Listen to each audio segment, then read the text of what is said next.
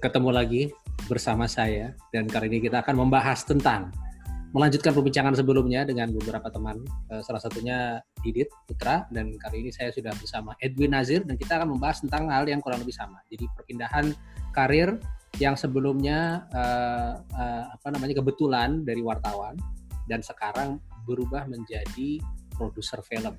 Begitu Win? Betul Pak. Nah itu uh, mungkin share sedikit. Bu. Pertama gue sendiri sih kurang ada bayangan ya Uh, tapi kalau misalnya dari wartawan TV pindah ke produser film tuh mungkin nggak terlalu jauh karena kan kita bicara tentang bahasa visual kan? Ya, betul. Nah, nah kira-kira. sekali. Jadi masih iya. masih. Hmm. Jadi gimana? Ka uh, karena uh, produksinya sama-sama masih audio visual ya kira-kira gitu. Hmm. Dan kenapa kenapa tertarik ke ke film juga kan? Karena kalau kita di TV kan juga masih kita suka bikin dokumenter panjang. Kita hmm. kadang-kadang bikin liputan khusus yang yang durasinya cukup panjang gitu. Jadi pikir-pikir uh, sedikit banyak kan proses produksinya uh, sama-sama di audiovisual. Walaupun memang secara teknis ada beberapa yang berbeda termasuk istilah dan skala pengerjaannya ya. Tapi hmm. Tapi uh, kurang lebih kurang lebih artinya bukan seperti bukan seperti Toto Bayu misalnya dari uh, apa sebelumnya wartawan politik Toto jadi desainer fashion gitu kan mungkin yeah, loncatnya yeah. lumayan nah mm-hmm. ya kan nah ini masih adaptasinya masih masih lebih enak gitu ya uh, tapi mungkin perbedaannya ketika lo di TV jadi wartawan TV lo tuh ada kesempatan untuk tampil di depan layar di depan di depan kamera maksudnya ya kan Sementara kalau misalnya sebagai produser kan lo lebih banyak di belakang kamera gitu kan. Hmm. Nah ini kalau mungkin... produser mau tampil juga bisa. Oh kayak contohnya kayak gimana? Enggak, enggak oh jadi cameo. ya bisa juga sih. Uh, ini mungkin kita akan lihat penampilan Edwin Nazir ketika dia berada di depan kamera. Ini mempermalukan okay. Wes tahun berapa ya? Gua nggak tahu nih tahun berapa. Tapi lo muda banget sih kelihatannya di sini, Bu. Sekarang udah tua ya. Win, itu orang mau salaman, Win. Lo cuekin, Win. Tuh lihat tuh dia sampai akhirnya udahlah, gue menyerah deh. Akhirnya ya Allah, gue peluk dari orang. gue udah menerapkan uh, physical distancing dari zaman dulu lu tuh sempat di depan kamera dan uh, sebagai salah satu presenter kondang RCTI dan tiba-tiba lu memutuskan untuk sepenuhnya berada, berada di belakang uh, kamera itu kira-kira apa yang memotivasi lo untuk melakukan itu?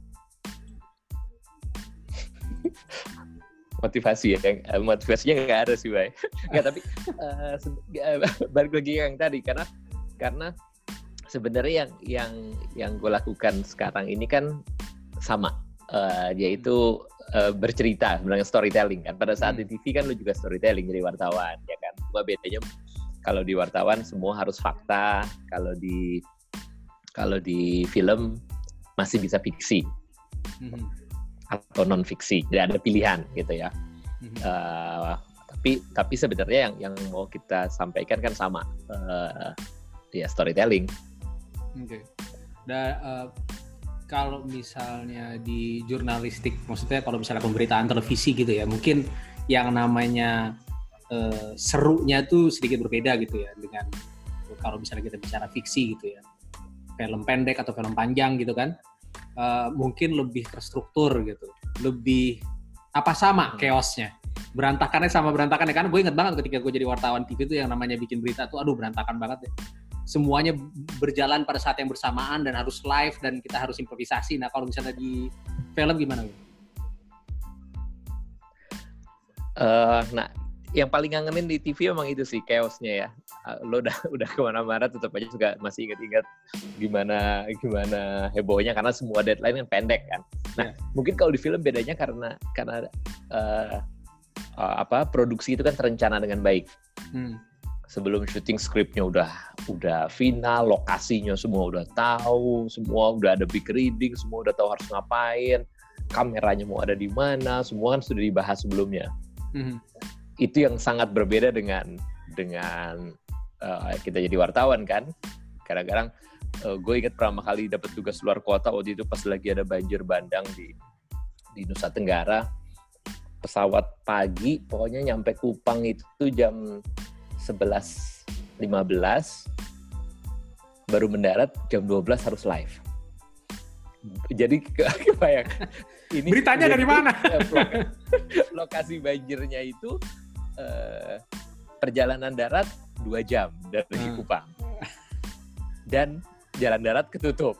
jadi jadi ya akhirnya kita interview di situ. Coba maksudnya kan uh, boro-boro kita merencanakan uh, apa mau shoot sebelah mana dan segala macam ya kan. Hmm. Uh, hard selalu selalu ada deadline yang harus kita penuhin dulu gitu. Walaupun pada akhirnya ternyata ternyata ya oh udah mulai it, it, waktu itu kan masih blow on pak baru baru baru mulai kerja jadi masih nggak tahu mau ngapain lama-lama kan kita udah tahu kan masih banyak hmm. yang bisa informasi yang bisa kita dapat juga uh, walaupun kita yeah. belum nyampe ke lokasi gitu ya. Ya, Tapi ya itu ya. itu beda beda banget. Iya. Oh kecepatannya juga kan kecepatan pace kerjanya kita sebagai wartawan TV itu cepet cepet banget. Dan uh, kemungkinan untuk salah tuh besar sekali. Apalagi kalau udah live live kayak begitu gue inget banget ketika gue live gue udah rencana ini oke okay, posisi gue udah blocking gue udah pas. Jadi ketika ada helikopter turun untuk ngambil bahan logistik yang untuk disebarkan ke masyarakat waktu itu kalau nggak salah uh, tsunami ya nggak salah ya. atau atau ini uh, gempa. Gempa di Gunung Sitoli Pulau Nias nah ketika udah live kayak begitu tiba-tiba ada ada paket berita yang diputar sebelum helikopter itu mendarat ketika dia mendarat Terus habis itu uh. paketnya masih jalan. Ketika helikopternya berangkat, baru paketnya selesai dan gua akhirnya live dengan belakang kosong nggak ada apa-apa.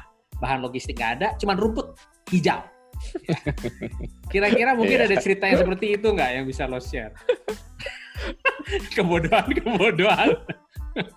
Wah, kalau kebodohan kayaknya banyak banget ya. Dulu dulu inget banget pas pernah siaran itu uh, sore sama sama Devi tuh waktu itu. Jadi pokoknya pas bulan puasa gue inget banget karena karena kita sambil ngepasin buka puasa waktu itu. Hmm. Jadi uh, waktu itu ada penangkapan salah satu uh, terduga pemimpin uh, teroris ya waktu itu ya. Hmm. Uh, nah jadi pada saat pada saat tahu-tahu konfirmasi itu uh, lagi acara buka puasa bersama di Polri waktu itu. Hmm. Nah, jadi pas pas si uh, tim yang di lapangan dapat informasinya langsung. Nah, terus kemudian uh, wartawan di lapangan handal. Jadi sedemikian rupa dia berhasil mendapatkan uh, live by phone dengan Kapolri waktu itu. Hmm. Uh, nah, cuma persoalannya kita semua nggak ada yang tahu itu Kapolri. Jadi pada saat pada saat mulai ceng ceng ceng opening kan segmen satu uh, terus langsung dibilang kan uh, apa namanya kami baru saja mendapatkan informasi oh ini ini ini, ini, ini. di di prompter juga belum ada kata-kata tuh pak kan belum belum belum ini kan dan kami sudah uh, untuk ini apa uh, segera kami uh, apa konfirmasi uh, berita itu uh, dengan kepolisian Republik Indonesia. Selamat malam. Jadi gue berdua Devi menebak-nebak siapakah di sana. oh Dan gak ada, gak ada yang ngasih tahu itu. Wah itu seru banget. Jadi ya nunggu nunggu nunggu nunggu itu awkward moment ya kira-kira 3 menit nggak nyampe 3 menit 15 detik lah gitu kan coba kan cukup mempermalukan diri di depan layar ya gitu karena kan kalau kita mau nembak bapak siapa kan nggak mungkin juga kita bertanya yeah, yeah. kalau kita langsung bilang bahwa ini kan bisa bisa aja kepala polisi bisa hmm. uh, kadif humas bisa yeah, macam yeah. oh iya kan kita hmm. juga nggak berani baik pak apakah benar akhirnya sampai dua tiga pertanyaan pertama pak pak aja manggilnya udah ambil oh. kita menebak-nebak siapakah ini Oh ya akhirnya dari suara mungkin kedengeran ketahuan ya. Oh ini Kapolri nih. Dari suara baru setelah yeah. itu ketahuan. Oh.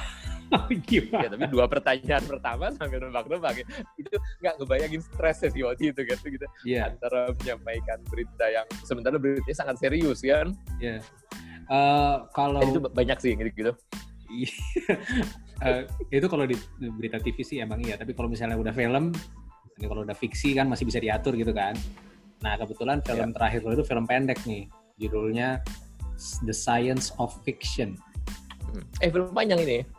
Oh film panjang, film pendek sih? Film panjang Ini ya? film panjang. Anjing, Nanti tayang di bioskop. Oh, gitu? Sebentar lagi. Ah, Tunggu dulu, iya. tunggu dulu. Ini, Nanti film, setelah bed. tunggu, tunggu, tunggu. Film pendek dibuat panjang apa memang dari awal film panjang? Dari awal film panjang. Oh film panjang. Ini gue belum nonton nih soalnya nih. Coba. Oke, lihat belum dulu. belum Mm-mm. belum tayang belum tayang. di Indonesia, tapi di luar udah udah menang kan Udah, udah. beberapa festival film kan. Yes. Nah ini Kita ceritanya premiere di tentang Locarno. Hmm. kenapa? Kita world premiere-nya di Locarno Film Festival di Swiss Mhm. Agustus 2019. Wow. Eh, untuk pertama kalinya ada film Indonesia masuk di main competition, terus eh, dapat penghargaan juri special mention ya. Iya. Dan memang eh, ceritanya sendiri menarik eh, karena lain dari biasanya ya. Seorang siman Siman. yang bercita-cita atau secara mental terganggu karena pengalamannya sehingga dia merasa sebagai seorang astronot dan eh, sayangnya dia tidak bisa menceritakan pengalamannya karena lidahnya putus. Eh, apakah itu cukup sebagai rangkuman dari ceritanya itu? Mungkin lu bisa cerita. Kalau satu kalimatnya kita bicara ini cerita tentang astronot dari Bantul. Jadi Iya. jadi eh eh, ini kejadian pendaratan di bulan yang kita suka lihat videonya itu kan selama Hmm. ini Hmm. eh, dengan berbagai berbagai eh, apa perdebatan di belakangnya. Nah ternyata syutingnya itu tuh di di pantai di Gumuk Pasir di di Jogja pak Hmm. tahun 60 sekian. Nah, eh, saat saat proses syuting itulah ada Siman melihat kejadian ini seorang petani buta huruf seperti pada umumnya orang Indonesia di tahun 60-an di pedesaan ya mereka dia nggak sekolah. Hmm. Nah, terus kemudian Siman ngelihat kejadian itu tapi dia nasibnya kurang bagus jadi ketangkep sama tentara sama CIA Hmm. karena syutingnya kru Amerika semua lidahnya dipotong jadi Hmm. Siman nggak bisa cerita dan dia nggak bisa baca tulis juga kan. Iya. Jadi dia menghabiskan sisa hidupnya untuk men- berusaha menceritakan apa yang dia lihat itu ke orang-orang dengan cara mengikuti gerakan astronot itu. Oh gitu. Jadi dia jalannya pelan, dia ke mana-mana pakai helm. Jadi eh, artinya ini mau menceritakan tentang sebenarnya nyambung banget sama profesi kita dulu, Pak, ya, tentang fake news. Oh iya. Artinya kita nggak pernah bisa tahu mana berita yang benar, mana yang enggak. Jadi apakah Siman Siman yang tahu kebenaran tapi malah nggak bisa ngomong, atau jangan-jangan Siman juga belum tentu benar, kayak hal-hal seperti itu. Kan Iya. sekarang yang kita alamin sekarang kan semua berita yang beredar, ini yang mana sih yang benar? Ya. Nah ini Ini harus ditonton, Pak. Keren banget filmnya. udah berarti kapan tuh kira-kira akan kita lihat di bioskop ini? Eh, setelah setelah situasi membaik ya, karena sekarang Ya. kan kondisi sekarang, oh ya eh, keramaian termasuk bioskop kan belum bisa beroperasi normal ya. Ya. Eh, Harusnya di- semester satu tahun ini memang awalnya, Oke. tapi jadi mundur ke semester depan. Oke. Eh, kalau dari sisi pembuatan filmnya sendiri, lu tuh memang rencananya bikin film untuk eh, sekelas festival gitu, atau ada ada ada pertimbangan mengenai itu nggak sih? Eh, ketika lo mau buat film ini film buat festival atau film komersil gitu, ada ada seperti itu nggak? Biasanya memang dari awal tuh udah udah udah ter sudah dirancang. Kalau dari sisi produser ya karena kalau produser kan kita harus mem- memikirkan sisi bisnis dan finansial ya Hmm. siapa penontonnya kemudian gimana kita dapat uangnya buat bikin filmnya dan segala macam nah Mhm. biasanya itu kan akan akan sangat berhubungan dengan marketnya nanti Hmm. Eh, pada saat kita tahu kita mau bikin eh, film yang eh, sangat komersil gitu ya pasti pertimbangannya pertimbangan pertimbangan eh, eh, ya pertimbangannya pasti pertimbangan komersil jadi misalnya eh, ceritanya mungkin dibuat lebih uh, ceritanya yang kira-kira udah punya market. Biasanya kalau hmm. kalau apa banyak film yang dari novel atau ya seperti itu. Terus kemudian cara promosinya pun akan beda. Secara budget juga pasti hitungannya beda karena karena kita tahu pasti akan penontonnya di bioskop uh, yang target utama. Tapi pada saat kita uh, biasanya tuh memang karakter karakter uh, walaupun ya film bagus tetap film bagus gitu ya tapi hmm. biasanya uh, karakter uh, uh, treatment pembuatannya itu memang agak beda jadi kita tidak bisa ekspektasi film yang uh, sangat komersil untuk ada di festival hmm. karena cara cara mereka melihatnya beda jadi kayak kayak film-film Marvel gitu nggak uh, akan masuk di Cannes sejauh ini. Tapi kita nggak tahu nanti gitu kan. Sementara uh, uh, kayak Joker, uh, Joker di satu sisi itu kan uh, uh, apa dark gitu ya filmnya ya. Uh, maksudnya agak berbeda dengan karakter film-film superhero sebelumnya. Hmm. Makanya pada saat Joker dia uh, dia uh, diputar di beberapa festival gitu. Jadi ya karakteristik festival dan penontonnya itu dari awal udah ditentuin. Jadi nggak nggak bisa mau semuanya. Bisa-bisa aja ya kalau spesial banget gitu. Tapi tapi oh, probabilitas untuk dapat semuanya itu memang gak gampang. Lu sebagai wartawan kan nulis ya. Nah kalau di sini hmm. nih sebagai produser tuh kayaknya jauh dari penulisan. Apakah baca skrip aja ya? Iya makanya. Uh, apakah iya. itu apa ya? Itu sesuatu yang menjadi uh, kesulitan lo di awal ketika menjadi produser karena mungkin kalau sebagai penulis itu kan uh, dorongan untuk menulis itu kan besar gitu biasanya. Nah, gimana tuh? Hmm. Nulis skrip agak susah, panjang soalnya bisa 100 halaman. jadi jadi dari awal gak kepikiran gak usah nulis, kita bagian baca aja gitu. Gak, okay. tapi uh, beberapa produser ada yang nulis juga.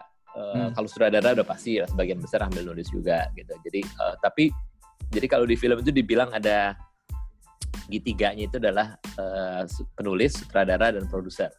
Jadi sebenarnya yang hmm. menentukan uh, produk ini di awal filmnya mau seperti yeah. apa arahnya ke mana ceritanya bagaimana mereka bertiga jadi yeah. walaupun produser tidak secara langsung menulis benar-benar ngetik gitu enggak tapi tapi bertiga ini memang yang yang menentukan kerangka uh, filmnya jadi uh, semangat untuk nulisnya tetap tercurahkan walaupun tidak dalam bentuk nulis beneran gitu ya.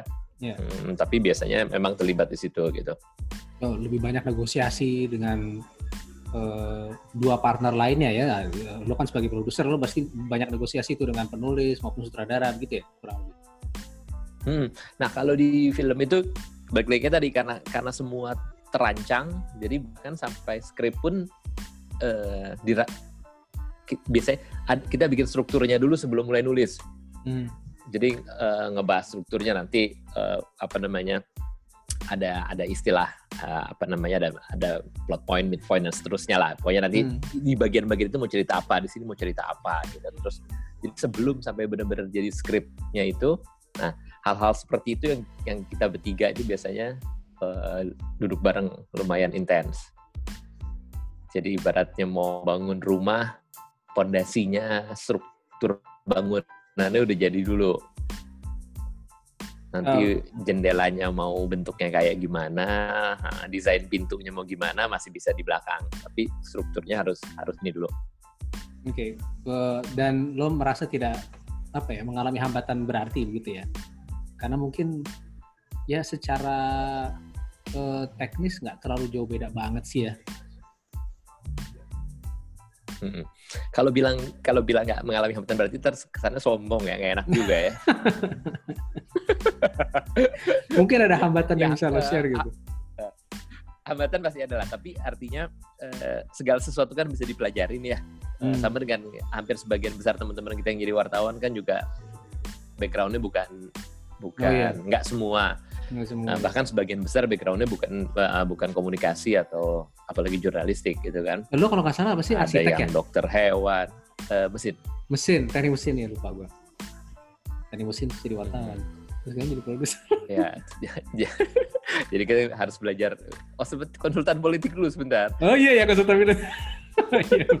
Naruga. Nah, iya, jelas iya, aja hidup ya. Iya, iya.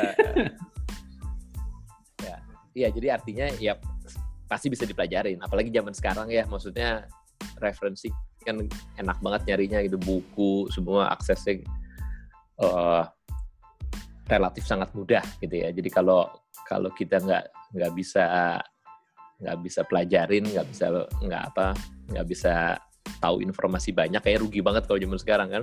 Mm-hmm. Nah, uh, mungkin buat teman-teman yang akan apa ya, yang tertarik untuk terjun ke dunia film, mungkin dari profesi lain yang sebelumnya gitu, mungkin ada ada pesan pesan yang bisa lo sampaikan gitu mungkin apalagi di tengah covid kayak begini kan pada pada tiarap semua hmm. ya ini lumayan ini jam apa di tengah covid ini saatnya untuk uh, menulis berarti ya kalau buat penulis uh. yeah. kalau produksi kan semua semua stop dulu uh, nah apa uh, film kita lagi lagi industri itu lagi maju banget, lagi oke okay banget beberapa tahun terakhir gitu. Ya uh, sedih juga dengan ada covid, tapi ya mudah-mudahan semua semua uh, cepat beres dan jadi lebih bagus saya kondisinya. Nah uh, di film itu memang uh, intinya sih gini, kalau kalau mau pindah jalur atau apa pun, uh, kalau memang uh, senang di sana nggak uh, ada salahnya dicoba gitu ya.